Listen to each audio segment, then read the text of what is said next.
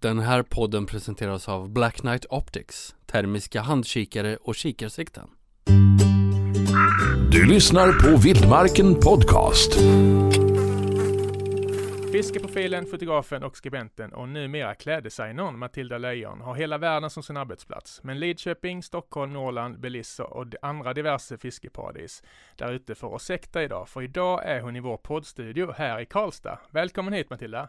Tack så jättemycket! Du ser pigg och glad ut, hur mår du? Ja men jag mår jättebra, det är så roligt att äntligen vara här! Ja, du har aldrig, vi har aldrig träffats förr, vi har vi bara har inte hört gjort typ varenda månad och sådär. Precis inför släppen av tidningarna. Ja, du ser besviken ut om du träffar mig. Ja. Det går bra. Det här avsnittet sker eh, lite på uppstuds eftersom du är på väg till eh, dina gamla jaktmarker tänkte jag säga, Forshagaakademin. ja men precis. Vad ska du göra där idag? Jag ska träffa en eh, elev som går på skolan just nu. Ja. Eh, som, eh, han håller jag på att guida lite in i filmvärlden som jag har jobbat med mycket. Så jag har försökt Jaha, lyfta upp honom lite och, så vi ska snacka och lite ny, eller nyheter tänkte jag säga, hemligheter. Mm. Eh, så det ska bli väldigt roligt, käka middag och så. Lite mentorskap. Ja men precis. kidsen. Precis. Ja, och jag vet att du har pratat dig varm från den utbildningen, just att det liksom stärkte ditt självförtroende och så vidare. Men, men alltså, vad minns du från den tiden? Du är ju, du är ju fortfarande väldigt, väldigt ung. Det är inte så länge sedan du gick där själv. Nej, jag tog studenten, ja nu i vår så är det sex år sedan. Mm. 2015 gick jag ut. Tiden Eh, går ändå. Alltså ja men det gör ju det. Här sitter jag och tror att det inte är länge och så är det det. Ja. Ehm, nej men det var väl det här att verkligen utveckla fisket och se att det fanns så mycket mer än just pimpelfiske som jag höll Mm. på med då. Du snurrar in på det väldigt mycket. Jag, ju- alltså det var det enda jag gjorde Ja, innan jag började akademin. Jag hade inte ens fångat en gädda på spinnfiske innan akademitiden. nej. Ehm, men därför fick vi testa alla olika metoder och sånt så att eh, Var du öppen för det eller du, du körde ditt race? Nej men jag var ju ganska stängd skulle jag vilja Ja. säga. Det var som så okej vi gör det på, på skolpassen men men sen så kan jag pimpla när det är Mm. vinter och så ja, öppet vatten det suger och Ja, ja. jag var jättestängd. Ja. Ehm, Vad fick att ändra dig? Jag vet faktiskt inte. Det är det som är så galet för helt plötsligt en dag så bara la jag ner med pimpelfiske och nu är det bara i princip gäddfiske som gäller. Vi kommer till det. Alltså, hur, hur kunde dagarna se ut där annars? Det var ju långa dagar. Eh, jag har alltid varit en plugghäst så att jag valde ju till alla ämnen som man kunde göra. Mm. Ehm, Så det var ofta 8 till 5 dagar. Och det är jag väldigt glad för. Jag hoppade faktiskt av två kurser i trean gjorde jag på grund av att jag var skoltrött. Ja. Eh, Men annars så var det ja, men, som en vanlig naturbruksskola skulle jag vilja säga med fisketurism och naturnäring eller vad alla kurser nu heter som jag redan har glömt. Eh, Mm. Matte, engelska, tyska läste, läste vi. Mm. Ehm, och så mycket fiske.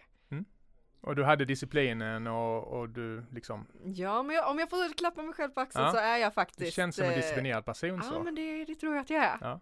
Och många kontakter knöts. Jag läser ju ofta dina texter och det är mycket gamla elever som Ja, Du kommer ju hit idag med Daniel Nilsson som vi också ska intervjua idag Precis. podcast med till exempel. Ni Precis. håller kontakten har jag sett. jo men det gör vi. Ja. Eh, det är så roligt för det, skolan har ju tagit fram så många, eller fått fram så många duktiga fiskare som till exempel Daniel Nilsson som Mm. nu jobbar som heltidsfiskare för Mm. Westin. I hans klass hade vi Albin Chargi som är delägare Mm. i Mojo Boats. Mm. Och jag kan bara fortsätta rabbla upp massa elever som kommer från skolan. Mm. Och jag tror det är en ganska viktig punkt som många vet, företag kollar efter om de har jobbat på akademin för man Mm. lär sig allt.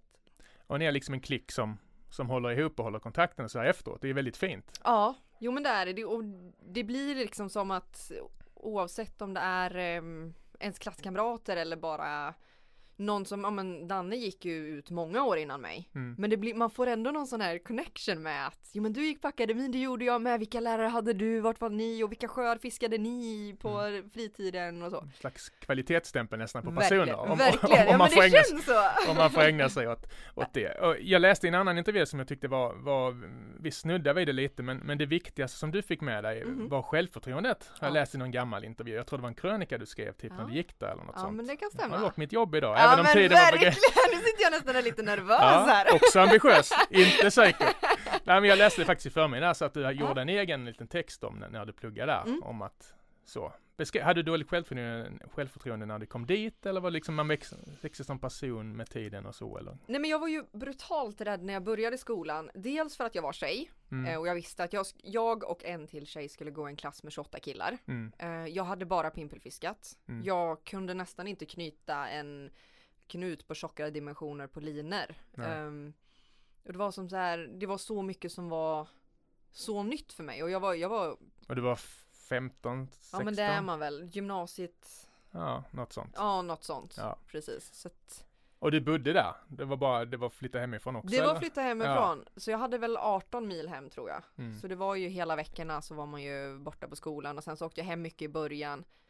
Och jag var väldigt såhär, men gud jag kommer inte klara det här och jag kan ingenting om laxtrolling och flugfiske, det har jag aldrig ens rört vid. Men det var väl det ni skulle lära er? Det var ju Eller? det vi skulle lära oss, men jag satt ju där innan och tänkte såhär, men Ja. jag kommer aldrig klara det, jag kommer aldrig klara det. Mm. Och så gjorde jag det. Det gick bra. Det gick bra. Och vi ska prata lite mer om eh, tiden där omkring snart, men jag vill skriva tillbaks lite till eh, där allt började, Lidköping. Okej. Som sagt, när jag sökte på ditt namn Ja. eh, så, så kom jag till hitta.se och då fick jag av en slump se något som de har lagt in som heter vanliga intressen. Alltså i vanliga intressen i området där du växte upp. Okej. Så jag, jag tänkte kolla, har du först och främst någon gissning på, eh, på eh, ord som kommer vara med nu? Vad finns det för vanliga intressen i ditt område i Lidköping? Eh, jag skulle säga villa, alltså bandy. Det skulle jag kunna. Nej, det var faktiskt inte med. Det var inte med! Jättekonstigt. Oj, och Men jag som ditt älskar om- bandy. Ditt område, är- ja. Okej, det- Annars är det det, annars är det det det är känt för. Ja, trädgård är med. Trädgård är Det är med. check på den. Eh, ja, sen har jag ingen aning. Nej. Ishockey, hårvård, heminredning, modenyheter, skönhetsvård, fotboll och så det absolut töddaste jag hört, energisparande. Var det någon slags ekoby du växte upp i eller? Alltså verkligen inte. Nej, fan vad skumt. Vi Ja. får kontakta hitta.se. Ja men det där var spännande.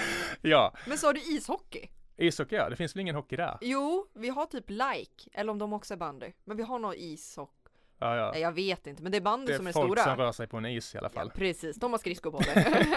Och eh, jag såg i en annan intervju att, eh, som jag tyckte var väldigt fint, eller fint, jag tyckte det var intressant, att du skrev någonting i stil med att du är född 96, fast det riktiga livet startar 98 när du börjar fiska. Vart har du hittat allt det Inte här? vet jag. Vad roligt! Ja men det stämmer ju. Ja, du har sagt det i någon annan intervju. Ja, Sen vet jag inte om det stämmer, men, men du följde snabbt med, din familj är också fisketokig. ja men precis. Allihopa. Mamma är en glad supporter. Ja. Det är hon. Mm. Eh, Hon är med på SM och det här när jag tävlade i pimpelfiske. Mm. Eh, Hon är ju den första som ringer när man varit ute och fiskat. Mm. Men hon gillar inte att fiska själv. Om Nej. det inte är sommar så man kan sitta i en bikini i båten. Mm. Då är mamma Då gärna med. på. Men annars så sitter hon gärna hemma och, ja. och hejar på från soffan. Men annars så är vi pappa, brorsan och syrran. Men det är väldigt fint när det är så, för då blir det ju ingen eh, grej av det att de sticker iväg på helgen och så vidare. Precis, precis. Jag försöker få min sambo att spela golf, det går sådär. Ah, ja. Men- Hon men, borde prova fiske. Ja, ja och du kanske. också kanske? Ja, hon är rädd för att ta i dem, precis som jag. Ja okej, ja men det är ingen bra kombo då. Senast jag fiskade var jag i, eh, tio år i Harasjömåla, känner du till det? Mm. Jag minns att jag tappade mitt nya spö och trots att jag inte kunde simma så kastade jag mig efter det. Så pappa fick, eh, det var väldigt dramatiskt. Okej. Sen ja. dess har jag nog inte fiskat, ja någon gång i Danmark kanske. Ja. Ja, strunt samma, det är det det handlar om. Men, Ja. men, men du följde med din pappa och storebror och sen var du fast eller? ja men det var Två år det. gammal, minns du något av det? Alltså eller är det mer du? Inte från när jag är två år. Nej, det låter Eh, Men konstigt. första fiskeminnet, det är ju liksom Det är på isen, jag är väl om, någonstans mellan tre och fem år, jag vet inte riktigt. Och Nej. då var mamma med på isen. Mm. Eh, så det var en så här mysig familjedag. Jag Ja. låg i pulkan med en fårskinnsfäll på. Alltså det, glasögonen var, de täckte ju halva ansiktet och mössan på sned och så ligger jag på rygg och så pimplar jag så här. Så Ja. ropar jag pappa Det här är livet! Det här är livet. Det här är livet! Och jag fattar ju det redan då. Ja. Men jag trodde aldrig att det skulle kunna bli så stort för Mm. mig som det är idag.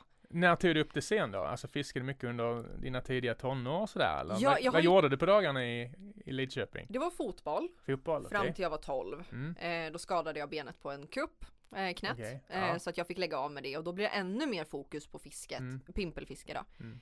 Eh, så jag tävlade två gånger varje helg så fort det låg is. Eh, spenderade påskarna uppe i Ja men i Norrland och fiskade och allt sånt där. Ja, och det var sen- min nästa fråga. Drog ni, ni drog iväg? Det var inte bara Ja. Vänern som gällde? Nej ni... jag tror jag bara varit på Vänern en gång när Ja. jag har legat. Visst Det- lite när jag gick på akademin att det blev Ja. delar av Vänern men annars nej. Då, vi drog ofta iväg till Norrland. Mysigt. Det känns som fina utflykter. Ja jag älskar det. Ja. Så småningom väntade Forshaga, har vi pratat lite om. Och, och sen därefter var det lite ströjobb och så då, eller vad, vad gjorde du direkt efter? eh, Direkt efter studenten, eh, då drog jag till Norge och jobbade som köksassistent på en laxfiskekamp Okej, i Molde. En bit ifrån Molde. vad innebär det? Det låter slitigt. Eh, nej det var skitnice och jag tjänade så mycket. Så att det var så här, ja det var super, super chill jobb. Jag lagade frukost och trerättersmiddag till, till gästerna i samarbete med en annan tjej. Okej. Eh, Kom och tillbaka och vaskade i Lidköping. Jajamän, jajamän, det gjorde jag. Ja. Nej men så det gjorde jag, sen flyttade jag till Västerås, jobbade som växeltelefonist på Bilia. Jaha. Så jag har suttit och svarat på ungefär 600 samtal varje dag med Välkommen till Bilias växel, du pratar med Matilda. eh, Vad trevdes du med det då? jo men det var, det var, alltså det var hjärndött. Ja, men, Men- det är ändå slitsamt eller? Hur, hur? Ja, men man måste ju ändå, man har så här, du har en viss, eh, visst antal sekunder du måste ha på dig för att besvara ett samtal Mm. och så länge samtalet ska vara och du får inte ha för många i kö och du måste ta ett visst antal samtal ja, per ja. dag.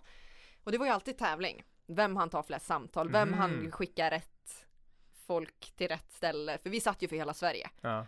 Så det var Bilia, Bilia, ja men fyra olika ställen liksom som vi Okej. satt för.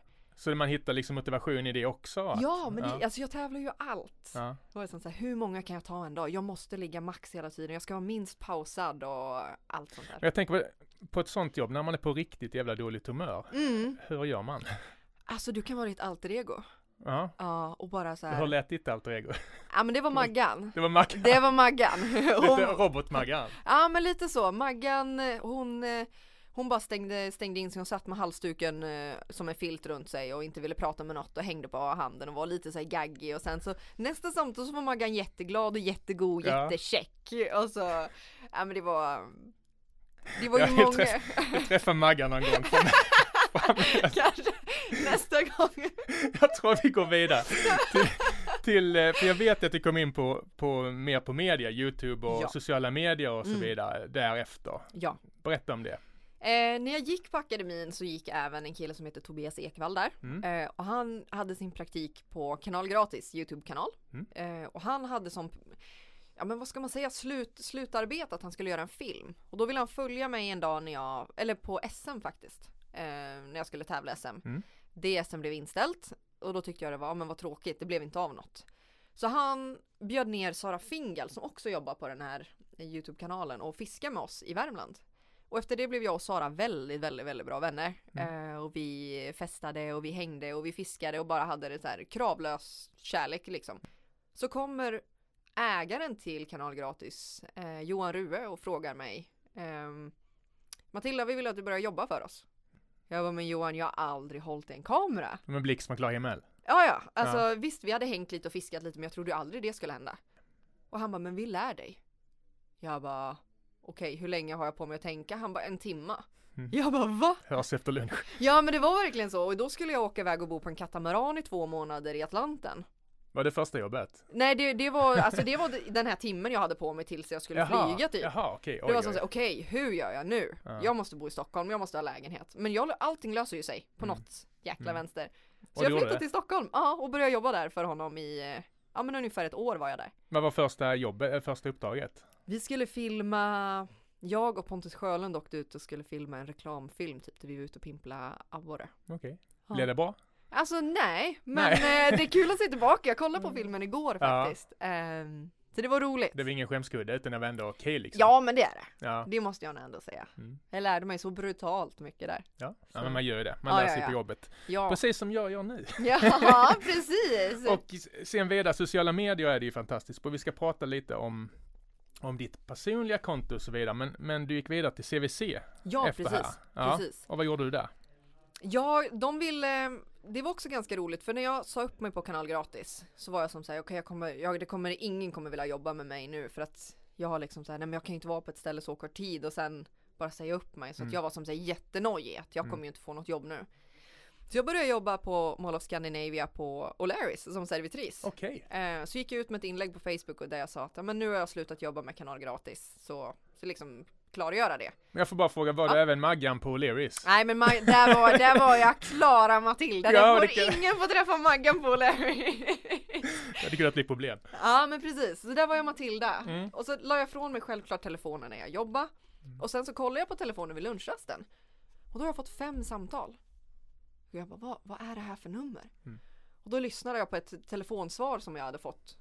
Tjena, Leif Collin CVC AB här. Ring mig, jag behöver prata med dig. Myndig stämma. Och jag höll på att skita ner mig. Leffe från CVC ringer jag bara, vad är det här? Så jag ringde ju inte upp. Mm. Ja, så jag ringde ju inte upp honom. Okej. Eh, för jag, Av- blev, jag blev så nojig. Av rädsla? Jag, ja, av rädsla. Jag bara, jag har ju gjort något fel. Eh, sen så visade det sig att han ville ha ett möte och se om jag ville jobba med dem. Kul. Jag, jag bara, vad ska jag jobba med? Han bara, något. Jag bara, Mm. okej. Mm. Så jag började där och skulle filma och köra lite sociala medier och så. Drömuppdrag. Ja men det Låter var ju det det. Ja men det Eller var ju det. Det var lite svårt för det var inte riktigt, ehm, jag lyckades inte bygga upp den, ehm, den rollen så bra. Så Nej, okej. jag, jag skulle ändå vilja säga att jag misslyckades på något sätt med just det jobbet. Mm. Skulle jag vilja säga. Något du inte misslyckas med det är att skriva reportage för oss. Vi är vad väldigt, kul! Smooth övergång. Vi är väldigt tacksamma eh, för din hjälp och jag har ju förstått att du har läst på idag om det som sagt, att du alltid har gillat att skriva. Du älskade Ja. uppgifter i skolan där du fick Mm. skriva och, och, och skapa. Och vi vet ju att, vi ska inte komma in så mycket på fotograferandet idag, men jag vet, det är något du gillar också sådär. Men, ja. men just det här med skrivintresset, Mm. fick du det, har du haft det från början eller? Det har alltid funnits där. Skrev Alltså- du noveller under skoltiden och sådär Ja, också, alltså he- så fort vi fick ett skrivuppdrag eh, så skrev jag. jag. Mamma visade någon bok som jag skrev när jag gick i åttan. Där det stod så här Matilda Lejon. Och så skrev jag om hela livet och jag bara, jag var ju nästan duktig då på att skriva. Mm. Eh, och det är liksom fortsatte när syster, min lilla syster hade lite jobbigt med engelskan. Mm. Eh, när jag var på Ascension på den här katamaranen och bodde. Mm. Eh, så då skickade hon sina glosor på engelska till mig och jag utmanade henne att men nu ska vi skriva varsin historia med dina, med dina ord. Kul! Och hon är inte lika alltså, intresserad i att skriva som jag är så Nej. jag tog alla hennes ord och så skrev jag en berättelse på engelska med hennes ord för att hon skulle på något sätt hitta det roligare att lära sig på Mm. det sättet. Smart. Ehm, ja, jag försökte. va- Var det en svår blandning av, blev det en svår cocktail att få ihop med orden? Nej, Eller hörde försökte- de ihop? Ja men de hörde ihop, det kanske var att de hade restaurangord. Ja, okej. eh, i, i glosorna. Och då Mm. var det sånt, ja men då skriver jag en liten kort novell om det här. Ja. Eh, Jättebra övning. Ja men verkligen. Jag är nog lite, lite skadad på den punkten, att Mm. alltid ta det lite längre. Mm. Jag skriver mycket artiklar på engelska. Mm. Men jag har aldrig skickat iväg en enda. Nej, det måste vara nojigt. Jag är så himla nojig. Jag skrev nyligen en engelsk text om rattling. Okej. Jag var jättenervös. Ja. Man blir lite stelbentare på engelska. Men du är- Ja. verkar ju mer, mycket mer naturlig och duktig. Nej men alltså nej. Det Men varför där... inte skickat iväg då? Nej men det är ju utanför min comfort zone Ja. alltså. Det är, jag vet faktiskt inte. Många som har skrivit och bett mig så här, kan du inte skriva om det här? Kan du inte översätta den här? Och man bara, nej jag kan inte.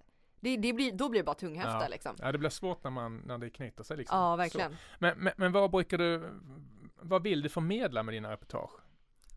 Alltså kärleken till allting Mm. bakom. Det handlar inte bara om de här stora fiskarna. Som senaste artikeln som vi publicerade så var det ju faktiskt en Den var lite samhällskritisk. Ja, jo men det Mm. var den ju. Ja. Och så var den ju lite på något sätt ett misslyckande men ändå glädjebesked i att det handlar ju om laxfiske då. Precis. Och vi var ju ute efter att vi ville fånga en odlad lax Mm. från Vänern. Mm. För att vi ville ta hem den och röka den till julbordet. Mm. Men istället fick vi tre fantastiskt fina vilda laxar. Mm. Och då blev vi besvikna på det för vi ville ju ha med någon fisk hem och i och med att man inte får ta de vilda laxarna så Mm. var vi tvungna att släppa tillbaka Mm. dem. Så vi kom ju hem fisklösa. Ja. Men ändå var den helt fantastisk. Men det var, ändå en, det var ändå en text som liksom satte fingret på något. Ja men Så, precis. det, det, man lärde sig något och fick tänka till. Och det tycker jag är viktigt i, i krönikor och, texter. Något annat jag tänkt på när det gäller dina texter är att språket är väldigt lekfullt. Att du ofta liksom tar en position som lite inte klankar ner för, är för fel, men det är precis som att jag kan ingenting om det här och, men med, medan du lyfter andra. Du tar den positionen ofta. Ja. Och det är ganska ovanligt. Ja, men jag gillar att lite- ta lite, den. Lite, ja, det lever upp. Ja jag. men vad, vad kul! Nej men jag, jag vill inte stå där och vara någon viktig Petter liksom. Man, inom, inom allt, du kommer fortfarande hålla på att lära dig. Eh, och jag har haft turen att fiska med väldigt, väldigt duktiga fiskare eh, det gångna året och åren. Eh, så jag ser varför inte varför inte lyfta dem och se deras styrkor istället? Det ska bli kul att se det utvecklas. Om, om tio år så kanske du är en dryg jävel så klankar, hur? klankar ner på, på kidsen liksom. Då får du trycka upp det här i ansiktet på mig. Jajamän. Titta vad du sa för tio år sedan Matilda. Men vilket är ditt främsta minne som flygande fiskereporter, om hur, eller hur vi ska uttrycka det? Den där var svår. Mm. Ehm, Välja några favoriter. Jag var i, ja men en stor favoritresa får jag väl nästan säga, det var att jag drog över till Australien en månad. Mm. Eh, Jag blev inbjuden av en kille som hade sett en film på Youtube där jag fiskade Blue Marlin Ja. med stand-up, eh, jag hade bälte på mig, jag stod upp och fightade fisken. Ja. Och då blev han lite imponerad att ja men ofta sitter man ju i stolen. Ja. Eh, Så han blev, ja men du ska hänga med mig på de här två båtarna. Och min första tanke var, vad vill han egentligen? Vill han fiska eller vill han något annat? Shady business. Precis! Ja. Eh, så jag gjorde lite research om han och så visade det sig att han har bara mycket pengar och han vill ha med folk. Mm. Så jag tänkte så här, men jag drar en chansning och drar över till Australien. Skiter det sig så skiter det sig. Du drog själv? Jag skulle åkt med två tjejer från USA. Ja. Eh, och flyga skulle jag gjort med en kille från England. Mm. Så jag flög över till eh, Marina Gibson, en kompis i England och vi ehm, och så mötte jag upp med James, han eh, ehm, ja men engelsmannen som jag skulle flyga med. Just det. Eh, och tjejerna från USA, de ställde in dagen innan.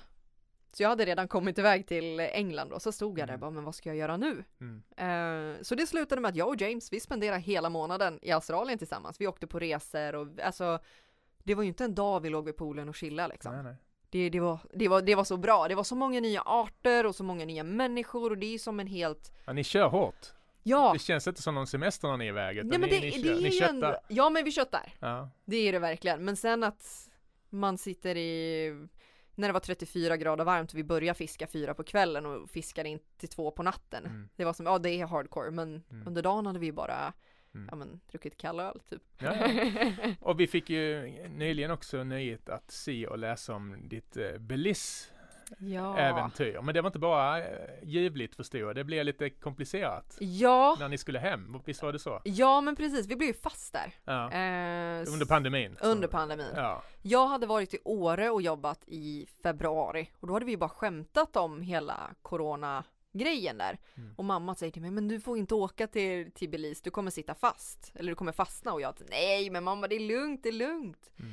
Så jag flyger ner till, eh, till Hannes och hans pappa som har lodgen. Eh, och så är det typ, om det är första duschen jag tar eller något så kommer Hannes in, han bara Matilda har du hört? Jag bara nej vadå? Äh, Belize stänger gränserna. Och jag bara ah, nice, kan vi dricka mer öl? Det var ju min tanke, då hinner vi fiska mer. Ja. Men sen så efter tre veckor så blev jag sjuk. Och vi Mm. vet fortfarande inte om det var corona jag hade precis i Nej. stå eller om det var lunginflammation eller vad det nu var. Men jag låg sjuk i tre veckor och fick bara ligga på rummet. Där nere. Där nere. Hur var det? Det var så läskigt. Du längtar hem till trygga Alltså ja, Sverige? ja, jag grät varje dag. Ja. Alltså visst, jag var på världens mest fantastiska ställe Mm. med fantastiska människor. Men jag låg ju där, du vet, inte kunna sova på nätterna, Mm. inte veta om du kommer hem. Och då var ju läget så kritiskt i Sverige också, så att hela världen visste ju att ja, men När var det sa du? det här är i ja, april. April, ja, Var då var det ju som värst. Då var det Alltså, som värst. ovissheten som störst. Precis. Så att komma som svensk eller vit överhuvudtaget till ett belisianskt sjukhus, det Mm. ville man inte. Nej, varför då? Ja men det, om man hörde på hur alla snackar om, ja men Sverige är ju så dåliga på det här och polarna från USA de sa, men Sverige de hanterar inte det här och, och Belize det bor inte mer än 370 000 människor där. Mm. Eh, och då att man skulle komma som svensk med corona, de hade, jag tror de hade 15 fall endast av Okej. corona. Och de tror att alla här är sjuka eller lite så? Ja, ja, precis. Så Mm. att, eh, ja.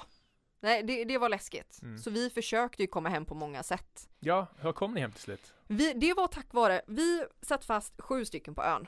Två stycken var amerikaner som Mm. lyckades komma hem med ett evakueringsflyg efter sex veckor. Oj. Ja, eh, när det har gått för oss nästan två månader så skick, får vi ett mail av dem och de ringer och det är så här kaos. De bara kolla mailen, kolla mailen nu. Då har de fått ett mail från den kanadensiska ambassaden att det ska gå ett evakueringsflyg med, eh, ja, med något flygbolag till Toronto. Och vi loggar in och vi har den här koden och vi Okej, ja men vi bokar. Så vi bokade två, de sista två biljetterna jag och Hannes för att komma hem. Får mail tillbaka. Nej men ni får inte hoppa på det här flyget för ni är varken amerikanska eller kanadensiska medborgare. Aj, aj. Vi bara, vad fan, vad är det som händer? Mm. Ehm, och så efter ett tag säger de, men ni måste lämna landet inom 24 timmar. Så vi hittar ett flyg som lämnas 24,5 timmar efter eh, vi hade landat och vi frågade, är det okej? De svarade, ja men det är okej. Och vi bokar det, morgonen efter vaknar vi upp till att det är inställt. Icelandic Air, Mm. eh, no refund såklart. Mhm. Och så står man där redan, blivit av med alla jobb och typ pengarna flyger hit och dit och bla bla bla. Så vi kommer hem med KLM eh, efter ett tag. Får spendera 22 timmar på inlåsta på en terminal i Kanada, Toronto. Eh, det var kallt, det fanns ingenting att äta mer än de här godisautomaterna, så här Skittles och M&M's Mm. levde vi på. Mm. Eh, och sen så, ja det, det var, det var skönt att komma hem. Ja, det framstod inte så i reportaget. Lät... Nej men precis, det var ja, ju det. det. Är så, men det var ju det var ju tur att ni kom hem i alla fall. Ja slut. men precis, det var jättefantastiskt. Vi hade fiskat av mitt liv. Vi Mm. fiskade tarpon och hade hur mycket hugg som helst och... Det är något att berätta för barnbarnen på många sätt. Ja men gud ja. Ja. Ja ja ja ja, ja. Men, verkligen. men just eh, pandemin, Mm. hur, hur har det varit för dig allmänt? Det är en svår fråga. Du berättar, vad, du får välja vad du vill berätta liksom. Mår Mm. du bra? Känns allt okej? Jag är livrädd. Ja. Eh, Vi sitter en bit ifrån varandra om någon Ja. undrar. Så det Ja, men precis. fara. Vi är, vi är jättefriska. Ja det är inte dig jag är rädd Nej för. men, jag men, nej men det finns alltid någon som, vi har ju kört ganska mycket med Teams och sånt nu. Ja, Men nu sitter vi väl en och en halv meter från varandra och vi Mm. är så friska vi kan vara. ja men så, verkligen. Ifall någon undrar. Verkligen. Nej men jag tappade ju, 2020 så tappade jag väldigt mycket pengar och Mm. väldigt mycket jobb och samarbetspartners och det, alla vill ju dra in på alla pengar. Och du har ju kört själv. Jag har kört Så, själv nu, det är ju- precis. Ja, det var det jag misstänkte att det blev ömtåligt. Liksom. Ja, jo men det är ju det. Ehm, men jag har överlevt och nu ringer min telefon, ska jag stänga av? Ja, det är, en, det är inget ljud så det är ingen fara. Nej, men då så. Mm. Eh, Nya jobb på gång. Ni, ja, det kommer massor, det är äventyr på gång. Jag har precis köpt en båt. Mm. Eh, jag kommer bo i ett taktält och jag kommer hänga i Norrland och jag kommer bara skriva massa artiklar och filma och fota och fånga fiskar. Så Det låter bra. ja, Det låter bra. För det har ju varit ett eh, uppgång för jakt och fiskebranschen också på Ja. andra sätt. Jag Ja, vet att du har jobbat lite i butik och sånt också eller? ja precis. Ja. Och det gör du fortfarande eller? Nej, Nej. jag gjorde det i två månader i somras. Ja, ja. Så sen eh, oktober så har jag varit själv igen. Det är inte bara vi som har fått följa med på dina resor. Du har ju, vi ska prata lite om det, du har ju 26 000, drygt 26 000 följare Ja, på din Instagram. ja det är så Hur häftigt. känns det? Ja men det är, det är så galet, det är så brutalt mycket människor. Ja, det är det faktiskt. Ja, Hur många bor det i Lidköping? oj, 37 i kommunen.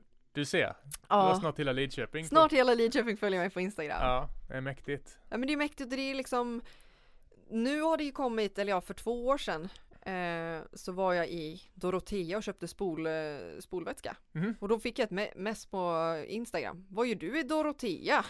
Vad- Hur vet du att jag är Att jag är i Dorotea? Ja. Och det har ju bara blivit värre, eller bättre måste jag säga För Ja. jag tycker det är så himla roligt Folk verkligen engagerar sig i vad jag gör Men är du lite, har du blivit, för jag har ju snokat, Mm. även på din Instagram. Ja, Första bilden, kommer du ihåg det?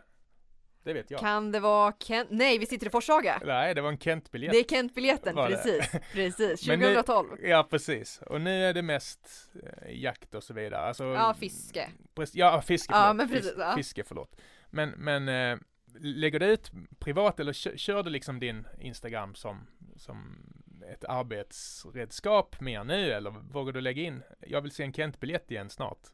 Eh, Ja, jag önskar också jag kan lägga ut på en Kent-biljett för Nej det. jag skojar, men, men har, har det blivit liksom, tänker du mer och mer på vad du lägger ut så? För, för dina uppdrag och så vidare eller har Ja, jo men det gör jag. Ehm, du har mer ansvar nu? Jag har mycket mer ansvar. Ja. Eh, Men sen så försöker jag ändå vara väldigt personlig. Ehm, Försöker jag vara. Eh, Men då jobbar jag mycket mer med story Precis, ja, okej. Eh, Så där jobbar jag väldigt mycket och jag kan köra livesändningar om jag sitter och binder flugor och så här.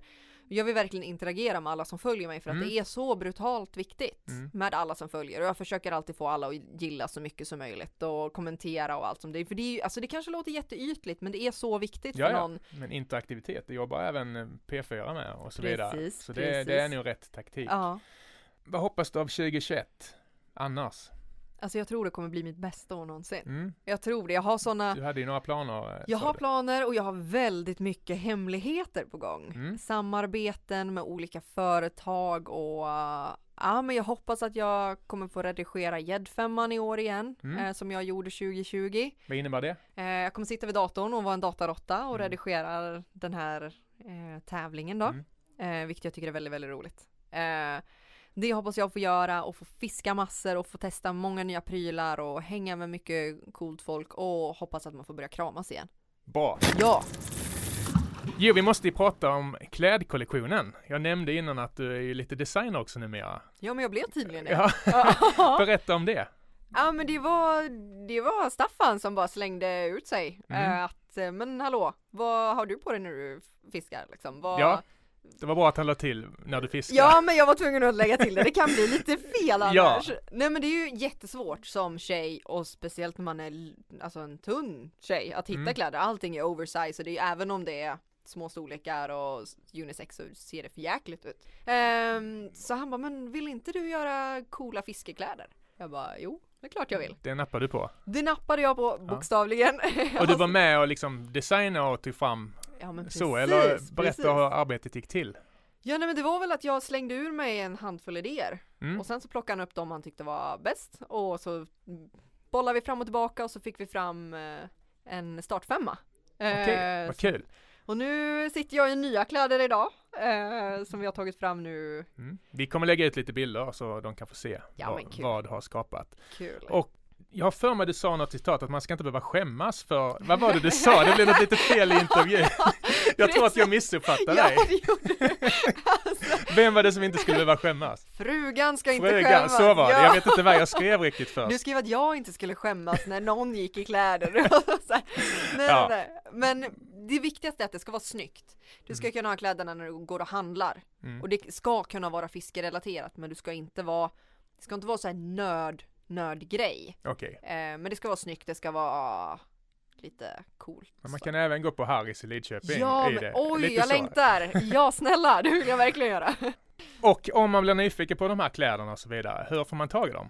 Då går man in på vildmarken.se slash webbshop. Herregud, vi måste hyra in dig ofta. Jajamän, jag kan det här! Ja, Och då finns alla kläder och storlekar och färger och former och tänkte jag säga. Så att det, jag är superglad för den här kollektionen och jag bara hoppas och längtar till jag får se att det blir t-shirtväder och hoodieväder så jag kan få se alla ha de här kläderna på sig. har du hunnit få någon respons? För det har Ja. ju pågått några veckor nu va? Ja, julafton och jättemånga som fick julklapp och taggade till mig och sa Mm. tack för att det äntligen finns Ja, snygga jag såg kläder. att du ville ha det, du ville att de skulle tagga kläderna och så. Precis, och det blir jag jätteglad för att folk faktiskt gör. Mm. Snyggt! Vi ser fram emot att följa din resa framöver eh, Matilda. Du är en energikick som vi behöver. Det är 30 grader i rummet här. Jag känner det nu. Men Tusen tack för att du kom hit och för att vi får följa med dig genom livet. Tack själv. Snälla, tack snälla! Vildmarken Podcast. Hitta fler avsnitt och ta del av vårt digitala magasin på vildmarken.se.